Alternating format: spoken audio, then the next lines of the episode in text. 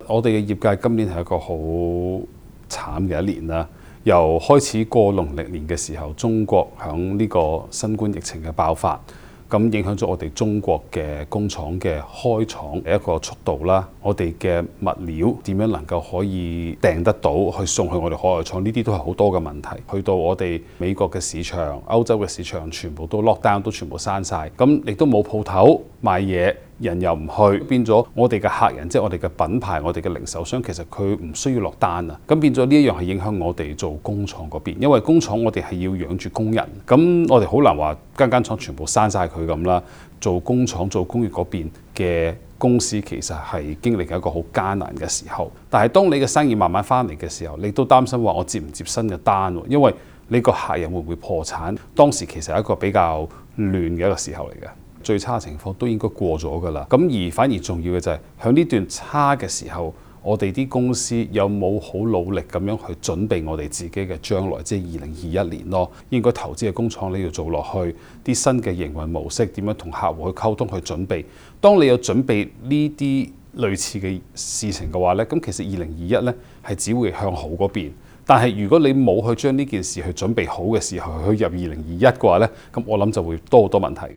以我哋做工业嘅公司嚟讲，每一年能够有机会响呢啲论坛上面去参与，去明白成个方向系点样行嘅话，响工作上面、公司上面嘅规划安排，我觉得非常之重要，非常之好嘅。今次呢个咁样嘅 hybrid 嘅 model，即系又有线上线下呢，令到我哋能够可以吸引更加阔嘅啊参与者一齐嘅时候，咁个讨论会更加啊丰富。冇呢個新冠疫情嘅話，好多時候都未必夠膽去做啦。因為個論壇嗰個廣闊嘅程度，我哋參與者喺線上線下都有啦。咁變咗喺我哋唔係淨係聽嗰個主題啊，而係話響譬如響個 Q and A 上面啊等等，我哋都可能能夠聽到好多啲我哋可能未必嗰一下諗到想要知嘅嘢。但係因為我哋有咁嘅參與嘅時候呢，我哋能夠可以體驗多好多嘅嘢咯。